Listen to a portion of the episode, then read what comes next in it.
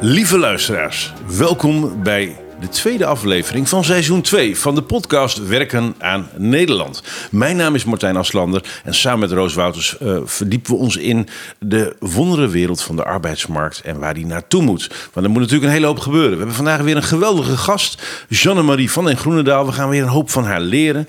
En wat we allemaal gaan leren, dat gaat Roos ons waarschijnlijk nu vertellen. Roos, kom er maar in.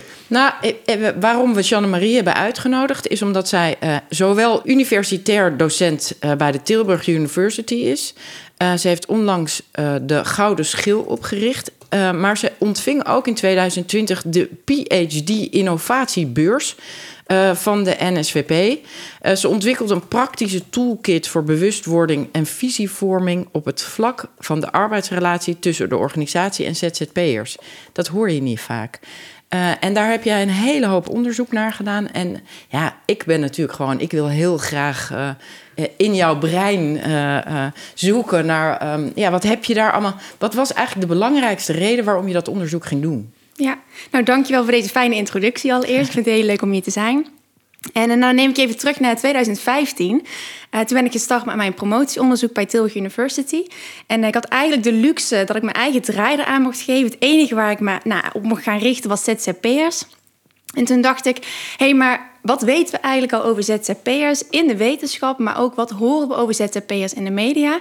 Nou, en ik schrok er eigenlijk wel van. Omdat over de discrepantie daartussen. Ja, ja, ja, Nou, nou, in de wetenschap is er heel weinig onderzoek gedaan naar ZZP'ers als aparte groep. Mhm. Dus of ze worden meegenomen in de groep ondernemers met personeel, of ze worden meegenomen in de groep uh, mensen met een flexibele, uh, met flexibel contract tussen de, nou, de seizoenswerkers als het ware en uh, de uitzendkrachten. Ja. En ik vind een ZZP'er echt wel anders. dus ik dacht, nou ja, hier, hier ga ik me in vastbijten. Dit wordt leuk. En werd het leuk? Ja, heel erg leuk. Het werd alleen maar leuker eigenlijk. Want nou ja, het was in 2015 dat ik startte. En ik heb er uiteindelijk vijf en een half jaar over gedaan om helemaal tot het einde te komen. En nou ja, weet je, ja, ik hoef het jullie niet eigenlijk niet uit te leggen. Maar als je gaat praten met ZZP'ers en je mag echt gewoon, nou ja, wat je zei, in hun brein stappen, in een ondernemersverhaal. Ja, ik kreeg er alleen maar meer respect voor. Van de bouwvakker tot de IT-specialist. Nou, noem maar op. Het is fantastisch. En wat was de grootste discrepantie waar je nog steeds, nou ja, waar tussen de pers en de, en de wetenschap, ja. Nou, als ik kijk naar, naar de, wat ik dus vooral in de krantenkop en op het nieuws, dan, dan proefde ik heel erg van, nou, de, de meerderheid is gedwongen ZZP'er uh, en uh, of het is meer een uit de hand gelopen hobby. Dat is het een frame, zeg maar, het media frame. Ja, dat, dat is wat ik, wat ik op dat moment heel erg proefde. En heel eerlijk, ik vind niet dat het heel erg veranderd is in die afgelopen vijf, zes jaar. Uh, en wat ik, waar ik me ook wel aan stoorde, is dat ze meer werden weggezet als als, ja, kun je een ZZP'er ondernemer worden, want ze doen ze weinig aan ontwikkeling. En dat ik dacht, nou, als ik dan terugkijk naar al die ZZP'ers die we gesproken hebben in het onderzoek, ja, die doen wel heel veel. Dus uh, ik wil het beeld vooral heel erg nuanceren. En ook de heterogeniteit van al die ZZP'ers op de Nederlandse arbeidsmarkt gewoon boven tafel krijgen. Dat we ook op een heel ander niveau daarover kunnen gaan praten. Wat fijn. We, ik ik heb een paar jaar geleden een term bedacht uh, voor ZZP. Uh, en die is uh, hiërarchische vluchteling. Okay, een, hiërarchische vluchteling. Omdat een deel van de ZZP'ers, die, wil, die heeft op zich, maakt het ze geen zak uit, contractvorm en al die dingen. Die willen gewoon geen gezeik met onnodige vergaderingen en een manager die hun geen ruimte geeft. Dus ik noem ze hiërarchische vluchtelingen. Is dat een beetje wat je aan al je interviews en gesprekken ook bent tegengekomen? Dat ze, dat ze uh, eh, ZZP'er geworden zijn omdat ze uh, al die ruis en bullshit en, en tijdverlies door het gedoe in organisaties uh, zat waren? Ja, ik moet meteen denken aan een van de eerste onderzoeken die ik met een, met een heel tof onderzoeksteam heb opgezet. En dat ging over de startmotieven van ZZP'ers. Dus waarom worden mensen nu eigenlijk ZZP'er of kiezen voor om als zelfstandige te gaan werken? Met eigenlijk de bijvraag, en zijn ze dan wel zo gedwongen? En nou, op basis van data van CBS, waar echt, nou, ik geloof 3.000, 4.000 uh, ZZP'ers aan mee hebben gedaan, hebben we gekeken naar de vraag, waarom ben je ZZP'er geworden? En dan kregen ze een lijst van 12 redenen. En dan mochten ze aanvinken welke reden allemaal van toepassing was op hun. Uh, nou, het bleek al dat ze heel vaak meer dan één reden hadden. En vervolgens zijn we naar die combinaties gaan kijken en hebben we eigenlijk typologieën uit kunnen halen. Dus mm. categorieën van ZZP'ers, door puur te kijken naar hun startmotieven. En er kwamen zeven uh, groepen uit, waaronder onder andere de vluchters, maar ook meer de autonomen. En dan proef eigenlijk in de hiërarchische vluchtelingenterm die jij net noemde, daar proef ik dus een stukje vluchters in. Al kwam het uit dit onderzoek vooral naar voren dat ze vluchten voor de slechte werksfeer en loondienst. Mm. En dus de behoefte aan autonomie. En daar kan ZZP'erschap aan bijdragen. Dus eh, ja, ik, ik heb me even nog zeg maar, uit elkaar kunnen trekken. Ja, eh, wat ik een keer las is dat eh, de grootste voorspeller van burn-out en werkstress... dat is echt uitval, wat heel veel geld kost en heel naar is... dat dat het niet ervaren van taakautonomie is door, door mensen. Dus zou je kunnen stellen dat als deze mensen gebleven waren... dat een goede kans was geweest dat ze waren omgevallen? Met alle gevolgen van dien? Want dit aspect in het ZZP'erschap, in het hele kostenplaatje voor de samenleving, hebben we eigenlijk nog niet meegenomen volgens mij. Die hoor ik zelden. Dat als die ZZP'ers gebleven waren, dat ze waarschijnlijk om waren gevallen en dat had heel veel gekost. Ja. Ja, Ja. ik geloof het wel. Ja. ja, ja, even snel aanhalen. Nee, maar, Ja, nee, maar ja, dat, dat nee, klopt. Dat, nee, dat- dat, dat is een van de redenen. Ik, ik heb ooit... Mensen zeggen altijd, ja, je bent het ZZP-schap aan het promoten. En, en eh, eh, de werkvereniging komt op alleen maar voor ZZP'ers. Toen dacht ik, nou, mijn hoofdmotivatie is eigenlijk... eh, ik ben ooit onvrijwillig ZZP'er geworden. Eh, en sinds dat ik werk als ZZP'er heb ik zoveel meer plezier in mijn werk. Ik ben eh, in loondienst een keer echt een jaar lang burnt out geweest. En eh, ik dacht op een gegeven moment, oké, dat ga ik nooit meer doen. Ehm, dus toen begon ik als ZZP'er en ik zou nu nooit meer terug willen. En toen zag ik al mijn collega's in loondienst en nog steeds, en ook anderen. En dan ging ik steeds, als ik nou, eh, eh, lezingen mocht geven in zalen met heel veel mensen in loondienst. Als ik zei, wie van jullie zou morgen weggaan als je je zekerheden mee kon nemen? Omdat je eigenlijk gewoon niet meer gelukkig bent in die baan. En dan verbaasde het me echt dat gewoon de meerderheid zijn hand opstak. En dan dacht ik, nee, ik wil niet het ZZP-schap promoten, maar ik wil de eh, run naar burn-out eh, verkleinen. En dus deze ja, werkende bevrijden. Dat is eigenlijk altijd eh, nou ja, een van de belangrijke mo ja, motivatie geweest waarom ik deze dingen doe. Dus ik, ja, ik denk altijd, het, het idealiseren van de vaste baan, ja, de zekerheden zijn heel fijn, maar De schijnzekerheden. autonomie- De schijnzekerheden hè? Ja, schijnzekerheid. even- ik heb Ja. wel vaak gezegd hier, een vaste baan bestaat niet. Want als Nee. iemand naar je toe komt en zegt, je bent boventallig... Ja, of, het, of, eh, of, of het budget is op... ja, dan was het blijkbaar geen vaste baan. Zelfs bij Shell zijn ze er inmiddels achter. Maar Jeanne-Marie, er is nu, wordt er door Hoekstra weer eh, aangegrepen dat, eh, dat we corona-geld vanuit Europa willen, maar dat Europa als voorwaarde stelt dat we dan versneld de fiscale aftrek voor ZZP'ers moeten afbouwen. Want dat zou eh, nou ja, eh, zorgen dat wij eh, het ZZP'er zijn in Nederland boven het matig subsidiëren of stimuleren. Heb je dat ook ontdekt? Is dat ook een belangrijke motivator? Of blijkt dat een broodje aap? Nou, de, de, een van die redenen waarin het onderzoek wat ik net vertelde, dat was ook ehm, van- dat je denkt van hé, ik kan meer verdienen als ZZP'er. En dat is misschien ook wel in je uurtarief, maar dat, ik ben het er niet mee eens dat je onder de streep per definitie altijd meer overhoudt als ZZP'er. En wat dus opvallend was, omdat we dus naar die redenen hebben gekeken, naar combinaties van die redenen en die typologieën, zeg maar, het fiscale voordeel wat je mogelijk zou kunnen hebben als ZZP'er, als het al zo is, eh, dat er was geen aparte groep. Die zaten zeg maar in de, in de cluster van autonomie. Niemand zei, hé, hey, dan heb ik lekker... eh, dat is geen motivator. Nee, dat, Nee, dat ik, is ik geen hoor het ook motivator. zelden. Ja. Hey, eh, we weten dat Nederlanders cultureel gezien eh, eh, bekend staan als een autonoom en eigenwijs volkje. Dat blijkt op allerlei manieren. Zou het kunnen zijn dat, ik weet niet of je daar ooit onderzoek naar gedaan hebt, dat een van de elementen waardoor in Nederland veel ZZP'ers zijn, want in de politiek verzinnen ze daar genoeg redenen voor, in het frame van de media ook. Maar is er een kans dat het feit dat we überhaupt Nederlanders zijn, eh, eh, zou dat nog mee kunnen wegen, die culturele dimensie, in dat, we, dat er relatief veel ZZP'ers zijn? Nou, ik heb daar geen onderzoek naar gedaan, maar ik heb daar wel een soort van buikgevoel bij. Ik denk dat Nederlanders toch wel een beetje. Ik woon natuurlijk in België, dus ik zie ook een beetje het verschil tussen België en Nederland. Hoe, hoe lang al? Even voor me. Eh, ik woon nu drie jaar in België, Ja, ja, maar ik ben altijd op, naar school geweest, noem maar op. Ehm, maar ik vind Nederlanders wel echt een ondernemend, een ondernemend type, een ondernemend profiel hebben. En gewoon denken, nee, Proactief, ja. proactief, dit is wat ik wil. En ik laat me niet zomaar vertellen wat, wat ik moet doen. Eh, wat mogelijk in andere landen wel wat meer is. Eh, dus nou ja, ik vind het ondernemerschap wel passen bij het beeld van, van de typische Nederlanders. Ik vind het ook niet heel gek. En ik denk dat, dat de nood en de behoefte aan individualis- individualisering en autonomie en veel meer voor jouw eigen waarde kunnen gaan staan. Ja, dat is gewoon universeel. Dat komt gewoon op. En ik denk dat corona dat alleen maar versterkt heeft. En ik denk dat Zijn ZZP-schap... er cijfers over eigenlijk? Heeft corona meer ZZP'ers opgeleverd? Eh, ongedwongen ZZP'ers, weten we dat? Ik durf het niet met zekerheid te zeggen, maar wat ik wel weet is dat het aantal ZZP'ers in ieder geval niet gestockeerd is of niet gedaald is door corona. Nee, nee, en al die regelingen, die overheid is overal aan het oefenen op dit moment, met, in andere domeinen natuurlijk. Met hoe, wat kunnen we allemaal doen met regelingen en dwang om mensen eh, een kant op te manipuleren waar we ze willen hebben. Maar volgens mij ben je ZZP'er, gaat je dat niet lukken. Nee, wa- wat er uit onderzoek blijkt, is in elk geval in Amerika is echt door de coronacrisis een gigantische beweging op gang gekomen. Dat mensen hun baan eh, eh, makkelijk opzeggen, iets nieuws zijn gaan zoeken. Vooral toen het weer een beetje uit het eh, slop ra- is geraakt. Ehm, in Nederland eh, eh, valt op dat dat omgekeerd is. Dat mensen nog steeds ongelooflijk vastzitten. Maar dat, eh, en dat zegt ook weer ehm, dat de coronacrisis en eh, het besluit om met eh, NOW-regelingen, dus eh, eigenlijk je zekerheid voor een vaste baan, die op zo'n moment niet zeker meer is, maar waar de overheid goed gesubsidieerd heeft om die zekerheid te behouden, dat dat ook wel effect heeft gehad. Tegelijkertijd zie je ook wel weer, nou ja, ik las net een artikel over de YOLO-economie.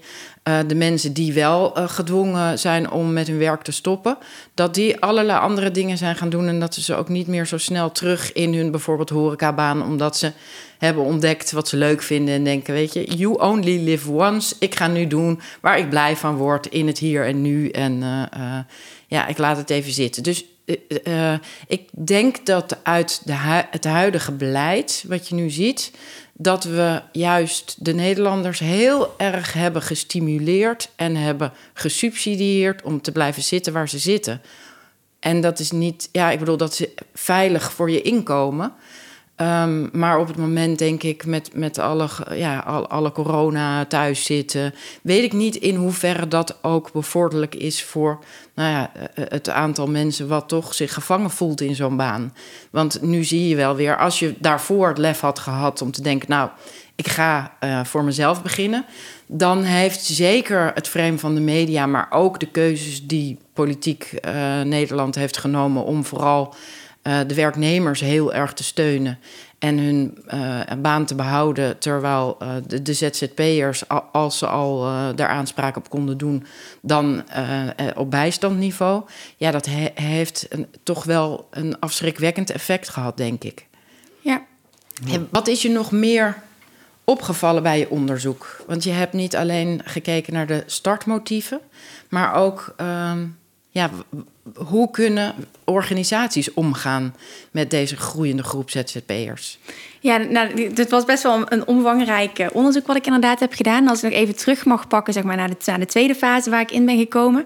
Dus allereerst heb ik gekeken naar eh, eh, hoe ziet eigenlijk de loopbaan van een ZZP'er eruit vanuit een, een literatuurperspectief. dus eigenlijk een theoretisch raamwerk, waarin ik als ik ware eh, de literatuur over hoe on- organisaties zich eigenlijk ontwikkelen, van groeien en dan stagneren en dan weer opnieuw starten. En hoe werknemers zich eh, in, eh, eh, in een organisatie vooruit bewegen. En die twee raamwerken als het ware over elkaar heen geschoven omdat ik erin geloofde dat een ZZP'er eigenlijk aan beide kanten iets moet doen. Hè? Dus je hebt een business te runnen en je hebt je als ZZP'er gewoon als individu eh, te ontwikkelen. En nou de eerste fase dus was dus ook de keuze van om ZZP'er te worden. Nou, en van daaruit ben ik dus gestart met onderzoek naar startmotieven. En de tweede fase die daarna kwam was eh, gekeken naar... oké, als je dan ZZP'er bent geworden... Wat doe je dan? Wat is dan je strategie om er een succes van te maken? Even met de basisveronderstelling dat als je ZZP'er wordt, dat je er ook een succes van wil maken. Dat je niet denkt, nou ik probeer, maar dat je echt denkt, nee, ik ga ervoor. En nou, toen hebben we gekeken naar, we heel veel ZZP'ers geïnterviewd, meer dan 100. Van eh hondentrimsters tot fotografen, tot HR-professionals, bouwvakkers, kappers, nou alles zat erin. En eh, we hebben ze gevraagd van waar loop je nou tegenaan in je ZZP'erschap? Welke obstakels kom je tegen? Welke uitdagingen? En hoe ga je daar nou eigenlijk mee om? En eh, nou ja, soms hoor je wel eens van hè, die ondernemers die, die, die, die investeren niks in een professionele ontwikkeling. En, en nou dus het gaat allemaal niet goed. Maar het leuke was dus dat we vier, ik noem het dan loopbaanpatronen hebben ontdekt. Waarbij we de proactieve crafters, de adaptieve crafters, de survivors of de overlevers en een passieve balanceerders hebben kunnen identificeren. Wat zijn crafters? De crafters zijn eigenlijk... Dat, Mensen die ervoor zorgen, even mag ik gokken? Ja. Eh, een, een crafter is iemand die ervoor zorgt dat hij elke keer net zoveel erbij leert dat hij ook eh eh, sta- eh, haasje over kan doen naar een andere baan. Dus die, die, die, die, die zijn hele baan zelf elke keer vormgeeft. Dus elke keer een stukje skill of netwerk erbij te ontwikkelen. Is dat ja, zo? ja, in de basis wel. Inderdaad, craft, crafters gaat inderdaad over gewoon actief. Gewoon de regie pakken en ja, een beetje van jobcrafting, career crafting. Daarvan hebben we hem geleend. Eh, en die proactieve crafters, de proactive crafters... eh, dat was de grootste groep. Dat was geloof ik van 40% of zelfs iets meer van, van die 100, zeg maar. Kun je, die, kun je die typologie ook, eh, ook eh, over mensen in loondienst heen leggen? Eh, of is het heel specifiek voor ZZP'ers? Want ik kan me voorstellen dat die typologie voor mensen die in een bedrijf zitten... want dit is interessant, want als je die proactieve crafters in een bedrijf kan identificeren... dan weet je met wie je de oorlog wint. Ja, zo heb ik er eigenlijk helemaal niet over nagedacht. Maar ik, ik denk eigenlijk wel dat dat wel een hele interessante invalshoek zou zijn. En wat nou als blijkt inderdaad, want hier hebben we wat te pakken misschien... dat de ZZP'ers, ik hoor je het grootste deel is een proactieve crafter... wat op zich helemaal niet raar is als je er even over nadenkt... en dat dat net de lui zijn die ze in bedrijven heel graag willen hebben... maar die allemaal de, hut verlaten omdat het management de eh, vernieuwing tegenhoudt. Ja, ja, ja ik kan hier echt hierover doorpraten. Ik vind Ja, daar- daarvoor ben je ook. Dus dat is goed. Lieve luisteraars, we gaan gewoon door. We vinden het Ja, leuk. gewoon door. Wat leuk. Tot ja. morgen. Ja. Maar, Nee hoor. maar het leuke is dus om nog even antwoord te geven op je vraag van wat kwam er nou uit? Dus aan de ene kant dat die proactieve craft dat echt gewoon een hele grote groep is. En die echt, nou ja, ik vind het gewoon fantastisch wat zij doen. Zij zijn zo actief, gewoon echt proactief. Ze netwerken, ze hebben een coach, ze stellen doelen. Ze investeren in trainingen, cursussen. En het leuke is, dat doen ze omdat ze dat zelf willen. En Tot op het bot intrinsiek gemotiveerd dus. echt die intrinsieke Ja. motivatie. En ze denken, ik ga netwerken omdat ik het leuk vind om het te doen. Omdat het me bijdraagt aan mijn business. En niet vanuit pijn of andere zaken. Nee, echt vanuit verlangen en motivatie. Precies, en dat ik dan een bruggetje mag maken naar bijvoorbeeld de adaptieve crafters. Zij waren net zo actief als de proactieve crafters. Ze deden ook aan netwerken, ze deden ook aan eh, professionele ontwikkeling. Ze waren ook al bezig met doelen stellen. Maar wat het verschil was, is waar de eh, proactieve crafters intrinsiek gemotiveerd waren om te craften, waren de adaptieve crafters veel meer extrinsiek gemotiveerd. Dus als ik gewoon Ja. een, een respondent mag Vanuit, citeren. vanuit pijn en angst Ja. en dat soort zaken. Ik Ja. ga wel naar zo'n vrouwenclub, zo'n netwerkclub, maar ik vind er geen bal aan. Dat is gouden handel voor al die coaches, joh. Als je weet wie een adaptieve crafter is, daar zit pijn, die moet je gaan helpen. Ja. Ja. ja, en de onderlagen, zeg maar de, de, de overlevers, ehm, ja, dat klinkt heel cru, maar dat, dat vind ik wel een precaire groep. Eh, nou, in Dit zijn mijn eigenlijk de lui onderzoek, waar de pers de hele tijd het over heeft. Maar dat is wel een Ja. heel klein stuk. ja, en, maar in mijn onderzoek was het heel nou, typerend dat dat wel de mannelijke bouwvakkers waren die voornamelijk daarin zaten. En zij zeiden: Ik wil me wel ontwikkelen, want ik wil on top of al die techniek blijven. Maar ik zit gewoon echt tot in mijn oor, over mijn oren in het werk. Ja, en ik ben, ik ben zo hard bezig met de Ja. bodemhakken dat ik mijn bel niet kan sluiten. Ja, en, en er is gewoon een, een tekort aan aanwas van jonge bouwvakkers. En er is gewoon een gigantische hoeveelheid aan Dus werk. het zegt niks over hun, hun motivatie. Alleen ze hebben gewoon de, De tijd. omstandigheden en de- zijn, Ja, er- ja. zijn gewoon niet, ja, eh, en goed. dat maakt ze precair. Want ze Ja. willen wel, en daarom Ja. zijn ze ook extrinsiek passief. Terwijl de passieve eh, balanceerders, zij zeiden... Ik ben, eh, ik ben wat minder actief. eh, ik, training, ontwikkeling, zo nu en dan. Maar weet je, ik vind het niet zo erg. Want als een klant wegloopt... Ik vind het gewoon belangrijk dat ik een leuke dag heb. Dus zij zijn zeg maar intrinsiek passief. En zo heb je eigenlijk vier kwadranten van actief naar passief... van intrinsiek naar extrinsiek. En, hoe- en hoe, hoe is de verdeling tussen die kwadranten qua percentages? Dan moet ik even uit mijn kijk een me liggen. Maar ehm, ik, ja, proactief is zeg maar de grootste groep. De proactieve crafters. Daarna de adaptieve crafters. Eh, ik geloof, nou ik even gokken hoor. Maar ik denk een kleine 20% waren de survivors. En een kleine 10, 15 was de eh, Dus maar 30 passieve. tot 35 procent van de ZZP'ers volgens jouw onderzoek voldoet aan het heersende frame in de pers en politiek. Ja, de Nou, ik weet niet of Hugo Jan Rust van. Zip Economy deze nog gaat luisteren. Maar als je luistert, Hugo Jan, voor jou, dit punt moet je even heel uitvergroten in de pers. Dankjewel. Ja. Maar wat, heb je ook, want je bent niet de eerste die dit echt bevestigt. Ik bedoel, het kwam ook al uit eh, eh, verschillende onderzoeken van het CBS, van het CPB. eh, ZZP'ers zijn gelukkiger, ontwikkelen zich wel degelijk. Hoezo, waar vandaan denk je dat de behoefte zo groot is om al maar op die alleen die 30% te richten? Controle, grip Het is lekker makkelijk als iedereen zeg maar, in loondienst zit. Dan weten we waar we aan toe zijn. Dan weten we wat er binnenkomt. Dan kunnen we ons voorbereiden op wat er gaan komen. Dan hebben we gegevens. Nou, noem maar op. Dan weten we waar mensen zitten. Waar ze tegenaan lopen en wat ze doen. Dus het is eigenlijk gewoon de beheersbaarheid. Ze Ja, hebben heel graag het. controle over het knopje. Om het eh, harder of zachter te zetten. En dat he- heb je niet op de ZZP'ers. Ja, en denk, toch zijn die ja, het meest extrinsiek gemotiveerd. Dus waarschijnlijk ook degene die elke keer hun baan weer opnieuw uitvinden op het moment dat er vraag naar is. Ehm, Ja, de Z, ja, ik denk die ZZP'ers... Oh, wat ik wou ook nog even terugkomen wat je eerder zei. Zelfs die survivors, zelfs die, die bouwvakkers die zeggen... ik verrek van de pijn in mijn rug. Ik betaal een torenhoge premie. Ik, zit, ik lig als een zombie op de bank op zaterdag... te recoveren van mijn werkweek. En laat me duidelijk zijn, ik wil nooit meer terug in loondienst. Dus al die vier kwadranten, die waren allemaal... want als ik even mag vertalen naar duurzame inzetbaarheid... Hè, dat heb ik even als uit, eh, uitkomst genomen. Ja. Dat vertalen was being happy, healthy en productive. Ja. Dus we hebben gevraagd, wat is je strategie? En daar kwamen die loopbaanpatronen uit, die vier. En we hebben ze gevraagd, hoe vind je zelf dat je scoort op happy, healthy en productivity? En allemaal was happy gewoon dik vet oké. Ja. Dus Dus geen van de ZZP'ers heeft stiekem een verlangen naar een vaste baan. Nou, ik durf bijna niet. eh, Nou, bijna vooral in- niet. in misschien die onderste 20 procent. Ja, en er was bijvoorbeeld wel dat sommige mensen zeiden... ik, ik verlang wel naar hybride ondernemerschap. Dus dan ben je meer zeg maar part-time, Maar ZZP, waarschijnlijk, part-time. maar waarschijnlijk omdat ze wat inkomenszeker of bestaanszekerheid zoeken. ook. Ja. En ook dat ze zeiden, ik, vind het, ik mis soms wel een beetje eh, het sociale Collega's, contact, collega's. ja. Ik voel me wel geïsoleerd. Hangt natuurlijk Ja. ook af van wat je doet. Ja. Ehm, en soms zeiden ze ook van ja, in loondienst eh, word, ik, word ik iets meer begeleid in mijn professionele ontwikkeling. Dus dan hoef ik me Wil daar je niet alles zelf minder- uitvogelen? Ja. Eh, eh, die, die mensen die je allemaal geïnterviewd hebt, eh, zaten daar nog. eh, ehm, eh, ehm, ben je in alle hoeken van het land geweest? Zitten er regionale verschillen in? Of, Nou, ik, we hebben heel puur gekeken echt naar een strategie. En we hebben de demografische gegevens, die, die hebben wat achterwege gelaten. Maar we zijn met een heel groot onderzoeksteam het land ingetrokken. Ja. Dus die, die ZZP'ers die zaten maar ook buiten de Randstad, of dus niet alleen Ja. in, in Brabant of in de. Ja, oké. ja. check. Nee, dus dat, maar het is echt wel zeg maar een, nou, een, een nationaal beeld wat we hebben kunnen schetsen. Ehm, hoe kijk je naar de, want dat is een van de onderwerpen waar ik me druk over maak. Hoe kijk je naar de, eh, ehm, de, de digitale component in de duurzame inzetbaarheid van die ZZP'ers? Eh, ik weet dat een groot taboe is op niet kunnen omgaan met een computer. Eh, ik weet dat 6 tot 70 procent van de computergebruikers eh, vooral met de muis werkt in plaats van met sneltoetsen. Mailtjes aan zichzelf stuurt. Hoe, dat hele domein. Kijk, kijken jullie daarnaar bij ZZP'ers? En is het bij ZZP'ers anders dan bij mensen in loondienst? Nou, ik heb daar geen, geen onderzoek naar gedaan. Ehm, maar ik denk dat dat heel erg afhangt van in welke mate je met technologie bezig bent in je werk. En ik kan me wel voorstellen, eh, als IT-professional, en dan maak ik ook meteen een bruggetje naar goed opdrachtgeverschap. Kijk, die IT-professionals, eh we horen elke dag wel, die zijn schaars en moeilijk te krijgen. Soms gedwongen dat je ze als ZZP'er moet inhuren.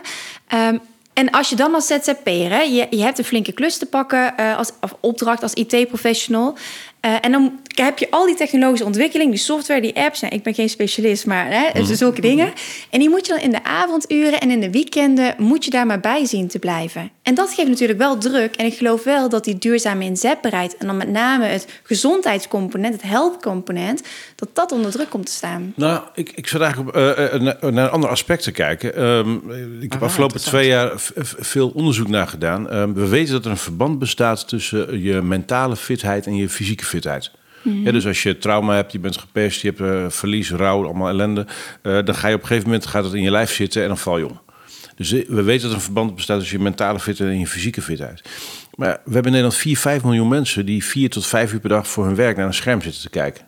En die zijn wat mij betreft digitaal niet fit.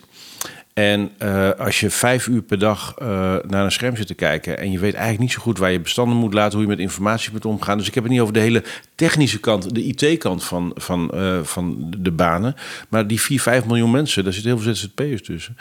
Eh, die vier, vijf uur per dag of langer naar een scherm kijken voor hun werk. Ja, die- als je duurzaam inzetbaar wil blijven, moet je ook een beetje snappen hoe dat ding werkt. En het is heel raar dat je de meest geweldige cursussen doet. Hè. Ontdek je innerlijke passie of dienend leiderschap. En, en je gaat ook nog met je auto naar je werk. Het lopen te lang duurt. En vervolgens zit je achter een apparaat waarvan je eigenlijk niet zo goed weet hoe je ermee om moet gaan. Zie je daar verschillen tussen ZZP'ers en eh, mensen in loondienst? Ja, daar heb, ik, daar heb ik geen onderzoek naar gedaan, dus daar kan ik, daar kan ik Nou, niet iets over maar, zeggen. nee, maar de- jullie gaan vast een keer brainstormen over nieuwe onderzoeken die je ooit moet verzinnen. Er zit Absoluut. Ja, nee, maar er zit natuurlijk een eh, interessant eh, productiviteit en daarmee eh, productive en happy en healthy element bij. Ik weet namelijk dat mensen heel chagrijnig worden als ze ehm, eh, spullen niet kunnen vinden op de computer. We zijn ongeveer 240 uur per jaar volgens een recent onderzoek van Microsoft kwijt aan zoeken.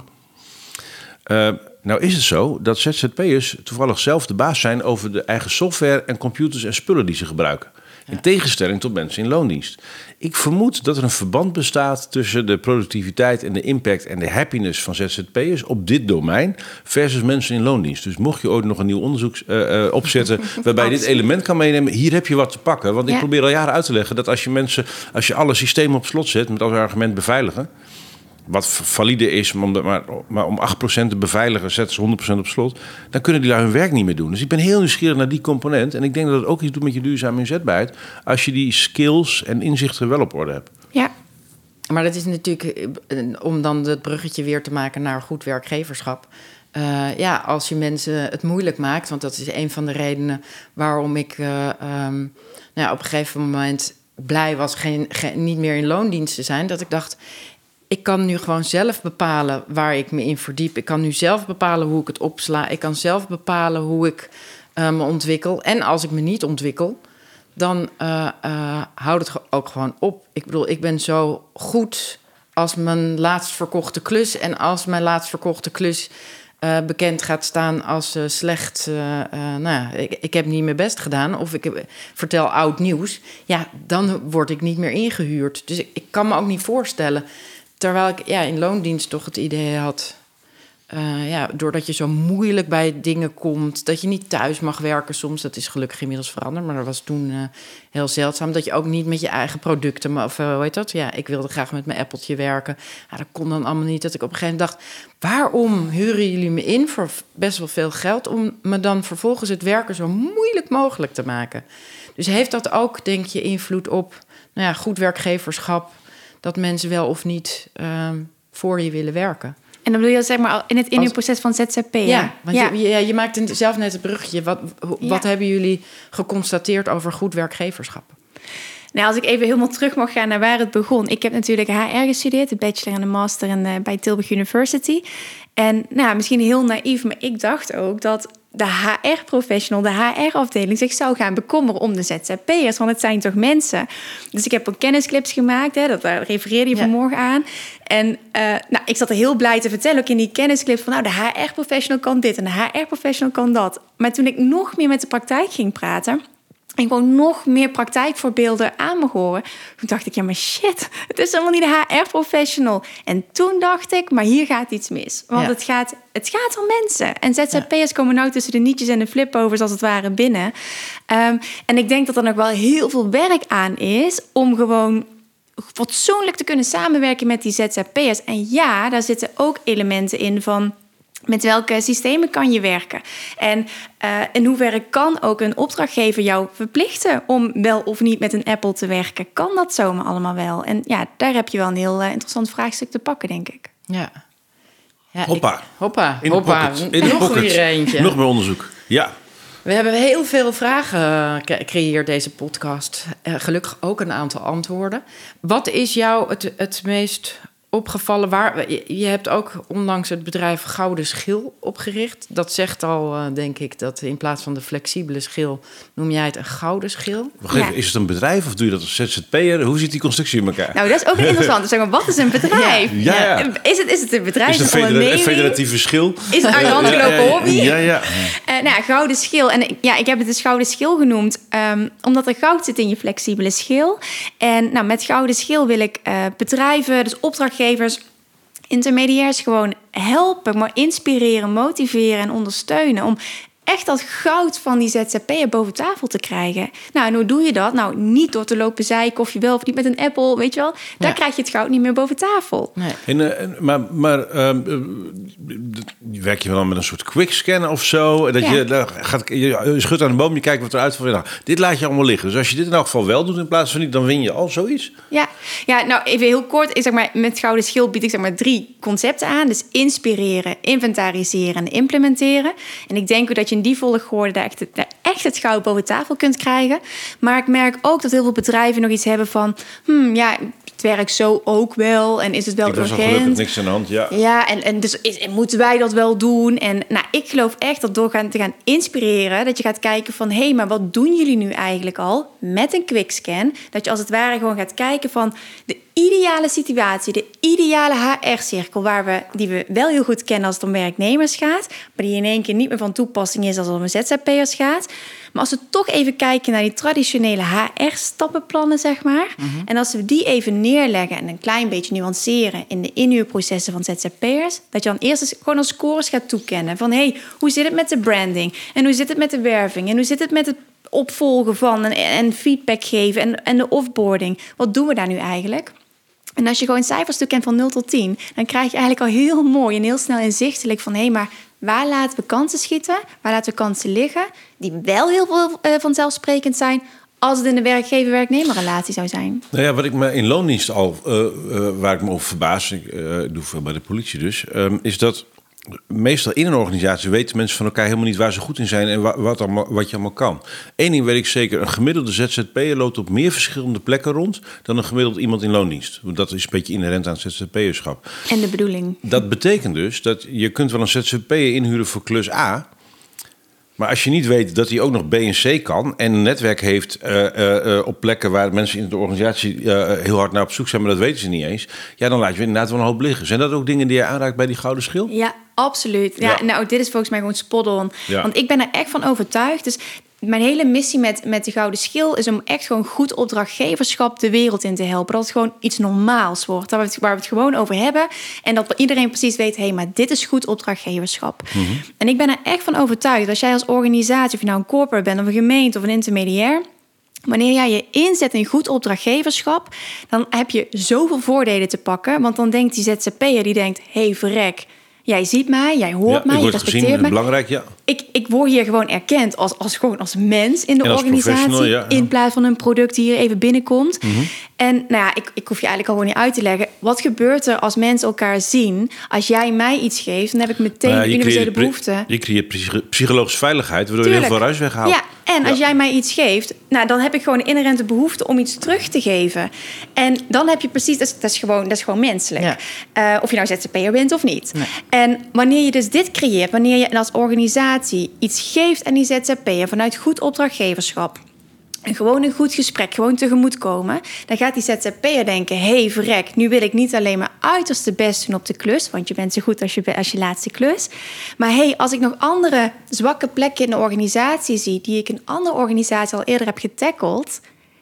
dan wil ik meekijken, dan wil ik, Ik vind- expertise delen. Dit klinkt, wij, ik denk dat wij het hier wel over eens zijn. Dit is gewoon een heel goed idee. De praktijk alleen is dat, eh, eh, dat heel veel HR-afdelingen gewoon veredelde salarisadministratieclubjes zijn. eh, die op boordniveau geen mandaat, eh, eh, geen budget of geen Ja. erkenning krijgen. Dat is ook mijn ervaring. Eh, dus eh, hoe verhoudt zich dat?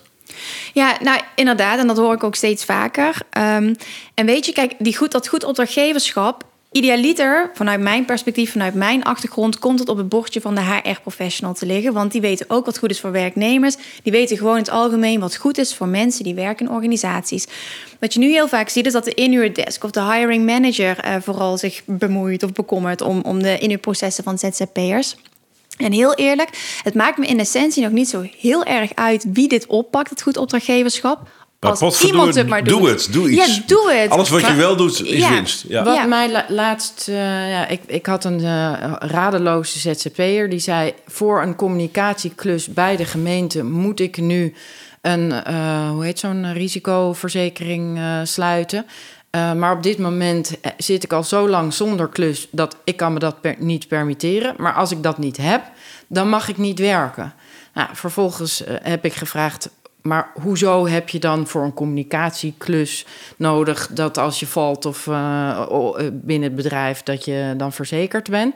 Want eh, meestal doe je een communicatieklus of thuis. Of, maar in elk geval ben je niet als een bouwvakker met gevaarlijke materialen aan het werken. Hoezo is dat een verantwoordelijkheid dan die je bij die ZZP'er wil neerleggen? Dan zeggen ze ja, nou gewoon slaap ik lekker van. Dus duidelijk, overzichtelijk, veilig zijn we ingedekt. En dan denk ik, je hebt nog wel een klus te klaren als ik dit soort verhalen hoor.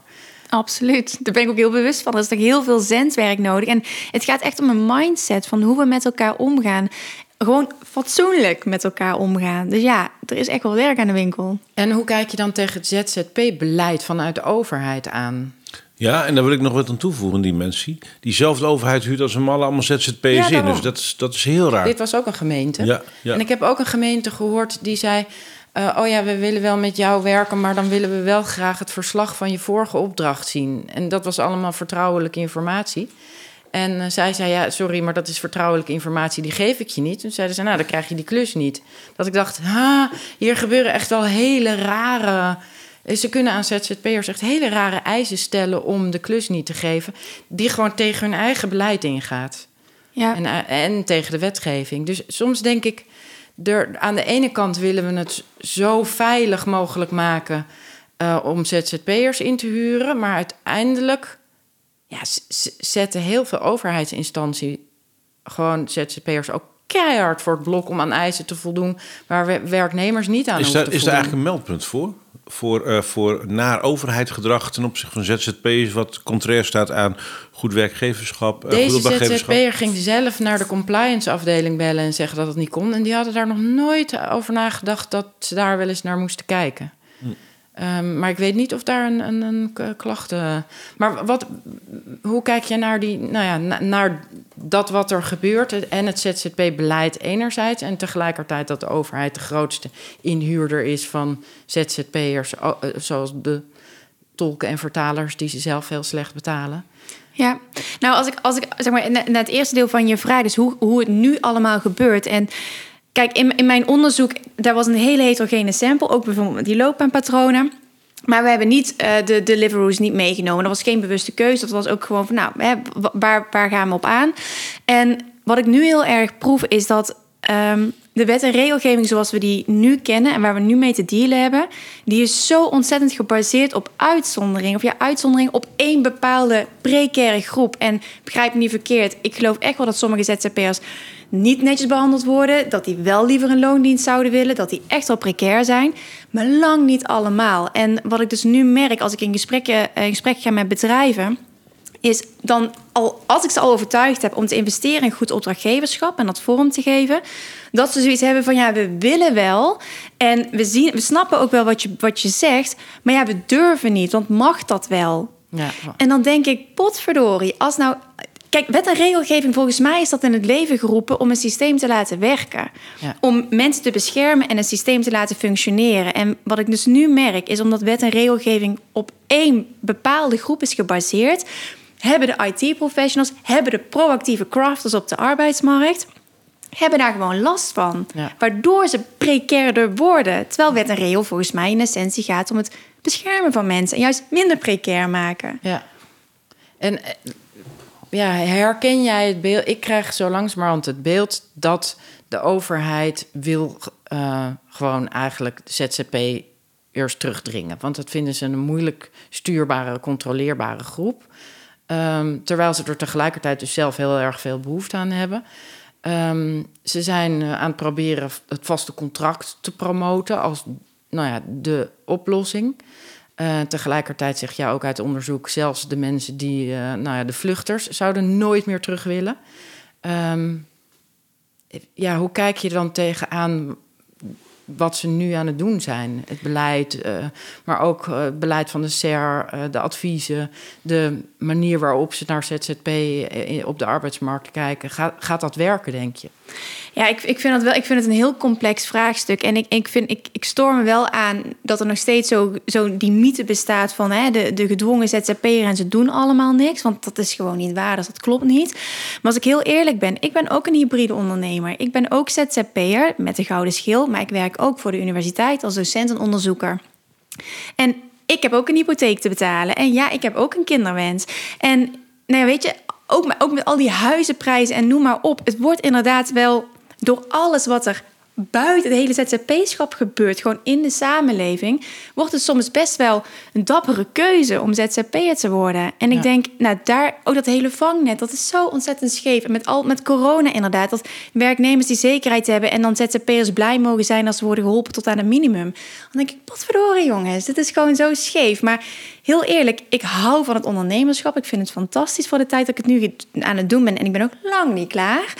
Ehm, maar ik wil ook heel graag ook voor de universiteit blijven werken. En begrijp me ook niet verkeerd. Ik vind het fantastisch om, eh, om onderwijs en onderzoek te doen. En stiekem zit er in de ondertoon ook wel een beetje dat ik denk, ja, maar potverdorie, als corona weer komt, eh, ik heb ook gewoon mijn hypotheek te betalen. En nou, dat, het biedt me wel een deel zekerheid. Ja, ja, dat is, ja, een van de redenen waarom we de werkvereniging hebben opgericht was omdat ik dacht: hoezo werken we eigenlijk zoals we doen? En wat hebben mensen op de arbeidsmarkt nou eigenlijk nodig om optimaal te kunnen functioneren? En uit alle onderzoeken die ik onder ogen kreeg, blijkt dat we nou ja, genoeg zekerheid hebben om risico's te durven nemen, om iets nieuws te gaan leren, om jezelf opnieuw uit te durven vinden. Uh, en tegelijkertijd uh, genoeg flexibiliteit om dat ook te doen. Dus een combinatie van die twee um, maakt eigenlijk dat we optimaal kunnen doorontwikkelen, adaptief zijn.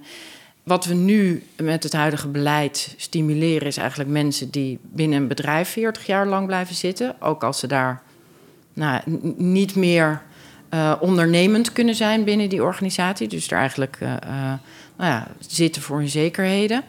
Of mensen die dus het risico nemen van, nou, ik, ik ga voor eigen rekening een risico. Niet zozeer omdat ik dat nou ja, per se wil, maar ook omdat ik gewoon heel graag werk wil doen wat ik leuk vind. Want ik denk dat ik dan gezonder blijf. Um, dus toen dacht ik, hoe kunnen we een, nou ja, een sociaal zekerheidsstelsel creëren, wat eigenlijk, waar, waar het er niet meer bij doet welke contractvorm je hebt.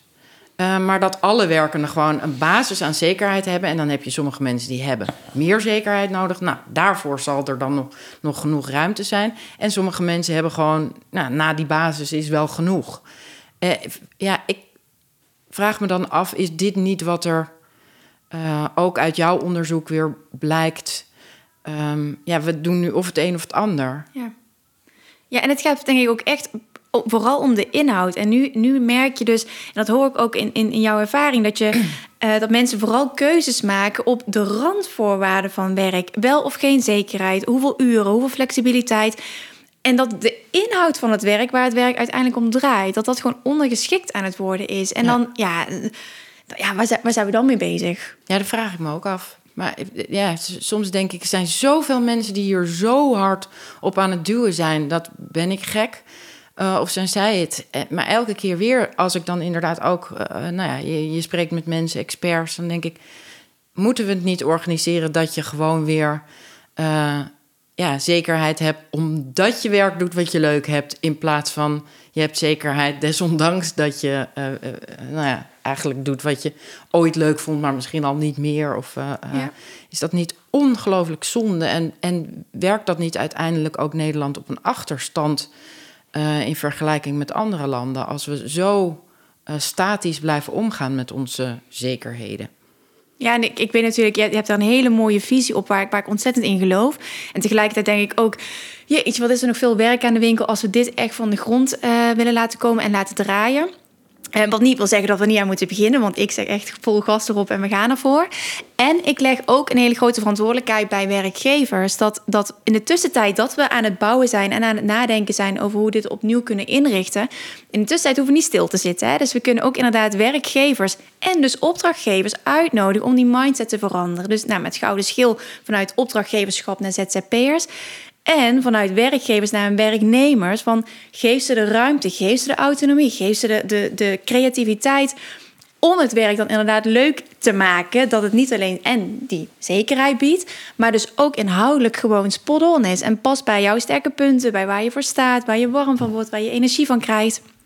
En dan heb ik eigenlijk een vraag die, die, die ik nou meerdere keren zo, zo heb willen stellen. En dat is, Kijk, in dat hele goed opdrachtgeverschap verhaal kun je je afvragen... ja, maar wil je dan als het ware de ZZP'er meer gaan behandelen als de werknemer?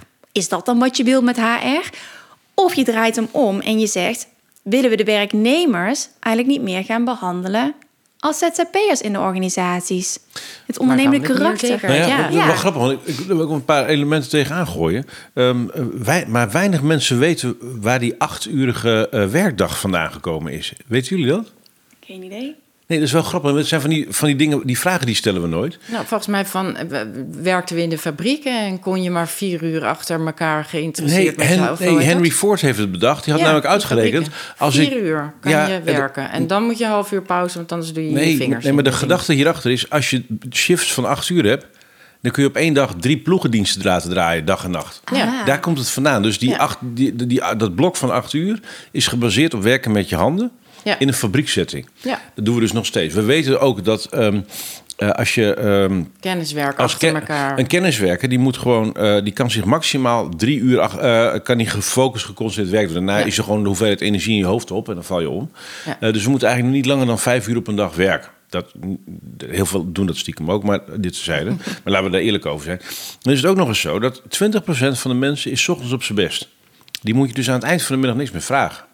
20% van de mensen is s s'avonds op zijn best. Die moet je 's ochtends niks vragen. Dat is helemaal niet handig. Dan zet je dus 20% van je grootste kostenpost, namelijk mensen, in op het moment dat je het minst aan ze hebt.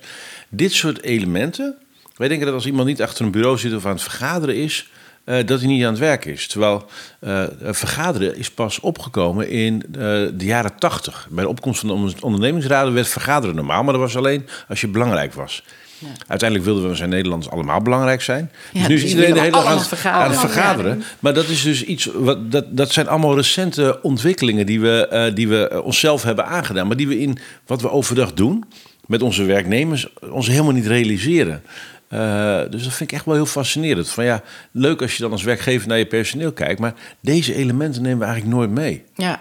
Nou ja, kijk, eh, nemen we natuurlijk wel mee. eh, eh, maar dan vooral, eh, denk ik, consultants. een van de redenen waarom het nieuwe werken ooit. Een nieuwe werkplekken is dat. Nee, nee, maar ik bedoel, uiteindelijk zijn er heel veel organisaties die het nieuwe werken verbasterd hebben tot het nieuwe bezuinigen. Namelijk flexplekken en je vaste flexibele tijden, zou ik maar zeggen. De- ja, daar is weinig nieuw aan. Maar het, het nieuwe werk is natuurlijk juist ontstaan om te zorgen dat mensen eh, daar waar ze optimaal op dat moment die klus kunnen doen. Dat ze daar ook in gefaciliteerd worden en even iets anders gaan doen. Of niet naar kantoor komen, of juist wel naar kantoor komen. Als dat eh, het werk daarom vraagt. Maar ja, het idee loslaten dat werken doe je acht uur lang achter een computerscherm. Eh, ja, dat is toen losgelaten. Alleen helaas hebben ze toen heel snel verbasterd naar het nieuwe bezuinigen en werd er nog steeds weinig losgelaten. Maar zodoende denk ik dat er al heel lang heel veel consultants en ik, nou ja, eh, adviesbureaus heel erg de werkgevers aan het stimuleren zijn geweest om nou ja, vooral mensen in te zetten daar waar ze op hun best zijn, op de momenten waar ze op hun best zijn. Alleen dat is volgens mij nog steeds iets wat we heel moeilijk eh, los kunnen laten. Dat, dat werken ook heel leuk kan zijn, dat je daar niet per se opgesloten op kantoor voor hoeft te zijn. En als je juist je kan concentreren op je kantoor, dat je dan vooral naar kantoor moet komen. Even corona eh, niet in eh, mee te nemen hier. Maar ja, eh, ehm, ik denk dat, er, dat organisaties het toch nog ook wel heel spannend vinden. En, en ik neem aan dat jij dat met gouden schil eh, ook wel merkt. Ja, kijk, en, en ook dat hele flexibele werk wat je net aanstipt, dat gaat ook om de randvoorwaarden. Wanneer je werkt en waar je werkt. Eh, en daarmee is de inhoud van het werk nog niet geboekt, zeg maar. En Ja. daarom is ik wel, waarom ik dus denk dat heel veel mensen ZZP'er worden, is dan heb je terug de regie en over die randvoorwaarden en over de inhoud. Ja. En uiteindelijk, ja, ik heb dus heel veel ZZP'ers gesproken en die zijn ook die zijn zo vurig. Dat is zo ontzettend leuk om, hen te interviewen. Die, ja, dat, die gesprekken duren altijd te kort. En ja, hoe fantastisch is het als je juist dat ondernemersvuur in je organisatie kunt krijgen door ze aan te trekken vanuit goed opdrachtgeverschap. Eh, want het is zelfs, ik denk dat het gewoon zelfs besmettelijk kan zijn. Als Ja. jij gewoon toffe freelancers hebt en je Ja. behandelt ze goed en je haalt al die mythes organisatie uit. Je zorgt dat er geen wij-zij-denken ontstaat tussen de freelancers en de werknemers. Want de freelancers zijn te duur, bla bla bla. Nee, gewoon dat het een leuke club is. Dan zouden die, eh die ZZP'ers op een positieve manier die werknemers kunnen besmetten. En dat is een keer een Ja. coronasituatie natuurlijk, je moet voorzichtig zijn. Nee, nee, nee, Eh, wij zijn hier voor sociale epidemieën. Ja. Ja. Ja, Ja. ja. maar dat geloof ik echt. En daarom ben ik met Gouden Schil ook echt, echt ervan overtuigd dat daar gewoon... Dat Hoe daar ver ben je daarmee zit. met Gouden Schild? Met hoeveel zijn jullie? Hoeveel heb je al gedaan? Dus of ben je net begonnen? Hoe-. Ik, ben, eh, ik heb me vorig jaar, echt vlak voor de corona, eh, ingeschreven. Maar toen was nog heel druk met, mijn met mijn proefschrift. En ik merk echt nu, nu het proefschrift klaar is... en dan krijg je, ook, krijg je een soort van headspace dat het ook allemaal kan. Ja, ik merk dat er onwijs veel animo voor is. En tegelijkertijd merk ik ook dat het vooral nog zit op het niveau, het niveau van workshops geven... lezingen geven. Maar echt iemand die zegt, kom hier bij boel. Implementatie. eh, oké. Dat is allemaal nog een beetje... Nee, dat vinden ze eng en ingewikkeld. Nee, ik, ik herken dat. dat Ik, zit al jaren in de inspiratiebusiness. Ja. Eh, en voordat iemand het aandurft om te implementeren... Ja, Dat duurt. Nou, ik ga nu even reclame maken, dus ik waarschuw alvast. Ja. Want met de werkvereniging eh, ja, hebben wij natuurlijk allemaal ongelooflijk leuke, inspirerende mensen die nou ja, out of the box denken, hun, hun eerste natuur is ongeveer. Ehm, zoals ook Martijn Aslander en Jeanne Marie, eh, gevraagd om eh, bij ons sprekersplatform eh, te komen. Oh, handig. Ja. en dan eh, hebben wij ook bedacht, zullen we de Raad van Anders organiseren? Want dit is precies waarvan ik merkte ook, ja, er zijn genoeg organisaties die wel zouden willen, maar eigenlijk niet weten hoe. Die dan ook niet weten waar ze naartoe moeten. Nou, dan heel snel alweer bij traditionele adviesorganisaties komen die ze traditionele organisatieadviezen geven.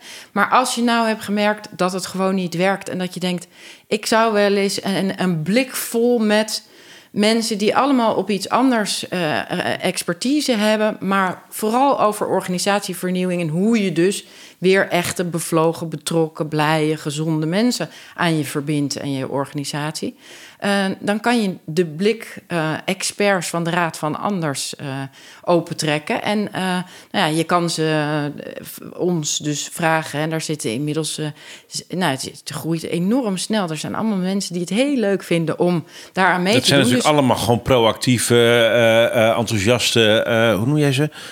Proactieve crafters zijn dat. Zeker, dit En zijn die worden echt per, de... dag, per dag worden ze slimmer. Ja, en ze, en ze zijn ook, ik bedoel, dit zijn allemaal mensen die echt nou, ja, het vuur hebben zoals ik jouw oor hebben van we moeten in eh, wat zonde, dat kunnen we toch niet laten Ja. liggen. En we willen deze mensen eh, eh, nou ja, zorgen dat iedereen tot zijn recht komt. Dus eh, als je nou zo'n organisatie bent en je luistert en denkt, ik zou wel zo'n blik vol met eh eh, dwarsdenkers, friskijkers, eh, eh, mensen die een expertise hebben hoe je een organisatie van binnenuit en van buitenaf kan inspireren om het ook in de praktijk echt anders te krijgen, waarin die nou ja, de werknemers ook vooral mee willen. Ehm, ja, dan kan je tegenwoordig ook bij ons terecht. Want we helpen organisaties daar graag bij. Want ja, wij kwamen er ook achter van... Ze, ja, er zijn er wel die willen. Maar hoe doe je dat dan? Ja. En daarom denk ik ook dat heel het interdisciplinaire plaatje wat je nu schetst ongelooflijk belangrijk en krachtig kan zijn. Dat je echt gewoon op een holistische manier, als het ware, gewoon een hele frisse kijk en een nieuwe beweging in die organisatie kunt creëren. Ja, en, en daarmee krijg je het goud boven tafel. Dan moet je dus op zoek naar de zilveren schil in een organisatie. Want als je die te pakken hebt en die verbind je met de gouden schil... dan heb je een mooie edelmetalen bij elkaar. Ja, joh. Dat is gewoon fantastisch. En diamanten erbij. hè? Nee, nee, die drukken met z'n allen op het binnenste. En dan vervormt dat en wordt het heel sterk. hey, wat leuk. Ehm, we hebben echt wel heel veel eh, de revue laten passeren. Hartstikke leuk. Ik denk ook voor onze luisteraars. Eh ehm, Janne, wat zijn nog dingen eh, waarvan je zegt... "Ja, die wil ik echt even onder de aandacht brengen. Dat vind ik zo tof.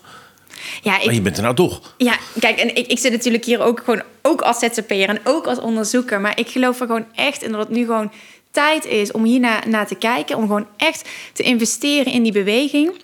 Eh, in organisaties en mogelijk gaan ze dan in Den Haag of waar ze nu ook zitten, eh, worden ze ook wakker en ze denken: hé, hey, verrek, dit moet echt anders. Dus dat het dan, al- als het van bovenaf niet komt, dat het dan van onderuit eh, in beweging gaan zetten. Ja. En eh, nou ja, weet je, het is gewoon 2021 en ik denk dat corona ook een hele mooie reset is geweest. En eh, nou, ja, tijd voor actie. Top. Roos, heb jij nog wat liggen? Zijn we wat vergeten? Want we kunnen met Janne uren praten. Maar dit- Ja, maar- dat- maar- dat is nee, duidelijk, dat is eh, duidelijk. ik denk dat we er ongeveer zijn eh, qua onderwerpen die voor de luisteraars behapbaar Nou, ik, zijn. ik Bekijken. zou nog wel heel graag willen vragen: wat zou je als jij nu een één op één had met de, wie het ook wordt, de nieuwe minister van Sociale Zaken in het nieuwe kabinet? Wat zou je zeggen? Dit moet er echt in het regeerakkoord. Wil je weer nou ja, bevlogen, betrokken, werkende in je in organisaties hebben? Ja, ik vind het een hele goede vraag. En, en, en ik, ik heb daar niet 1, 2, 3 een antwoord op. Maar als ik dan toch aan tafel zit en ik zou iets mogen zeggen of mogen vragen, dan zou ik het onwijs tof vinden als ze drie grote bedrijven mogen pakken en dat we daar eens mee mogen experimenteren. Dat we gewoon mogen zeggen, als we dan voor goed opdrachtgeverschap willen gaan, hoe, hoe willen we dat dan inrichten? En dat er gewoon geen claims zijn, geen boetes, dat we gewoon in alle vrijheid en alle veiligheid mogen experimenteren, best practice op de kaart mogen zetten en van daaruit de beweging uitbreiden. Oké, het verzamelen van proofpoints dat deze aanpak werkt. Ja. En wel, welke wetten en regels? Want dan bedoel je dus dat ze met ZZP'ers mogen werken zonder bang te hoeven zijn dat de wet, arbeidsmarkt in balans of uh, al dat soort dingen. Uh... Ja, dan zit ik vooral waar, waar heel veel bedrijven dus bang voor zijn, is die schijnzelfstandigheid. En dan ja. bijvoorbeeld, dan willen ze wel investeren in die duurzame inzetbaarheid van die ZZP'ers. En meedenken op professionele ontwikkeling, meedenken persoonlijke ontwikkeling. Ja, maar mag dat wel? Ja. En mogen ze mee naar een uitje? Ja, kom op jongens. Ik bedoel, waar gaat het over? krijgen we de Belastingdienst en de overheid die zegt, zie je wel, haha, werknemers. Maar dat is natuurlijk ook iets wat je nu bij die platformrechtszaken uh, ziet. Uh, ik, lees dan dat er de argumenten die gebruikt worden om te zeggen. Uh, nee, maar dit is gewoon modern werkgeverschap. En dus is het werkgeverschap. En dus zijn die ZZP'ers werknemers. Ja, dan denk ik, oeh, heel veel werk wat ik doe, valt daar.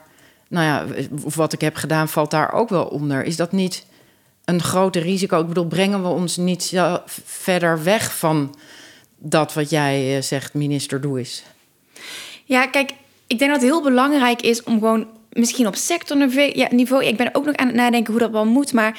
Dat, dat je meer gaat kijken naar scenario's. Van als we, als we in dit scenario zo met elkaar omgaan, dan is het gewoon een proactieve crafter die denkt: hey, verrek, leuke cursus, ik sluit aan, want dan kan ik nog beter de opdrachtgever dienen.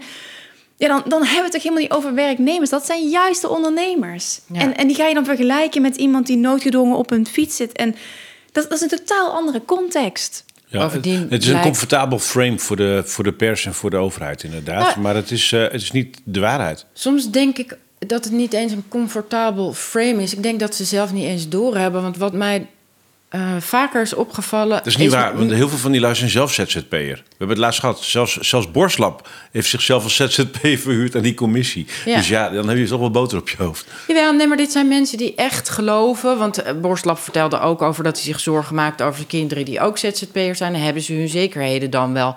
Ja, kijk, uh, Hans heeft natuurlijk zelf met, is hij met pensioen. Dus ja, hij, hij hoeft zich geen zorgen meer te maken over zijn sociale zekerheden. Maar dat doet hij wel over die van zijn kinderen. En dan vraag ik me dus af in hoeverre. Um, nou ja, wat, is er op tegen om met elkaar te gaan experimenteren, inderdaad? Om te zorgen dat je zekerheden aan je burgerservice nummer en dus aan gewoon elk uur dat je werkt gekoppeld wordt, in plaats van aan je contractvorm. En ik merk wel dat dat nu langzamerhand steeds meer draagvlak begint uh, te krijgen. En, en tegelijkertijd vind, ja, vindt men het toch heel spannend om de oude, nou ja, wat mij betreft, de oude illusie van de zekerheid die mensen nu hebben los te laten. En uh, uh, plaats te laten maken voor een nieuwe, waarvan ik denk, ja, dat is weer echt solidair als we met z'n allen.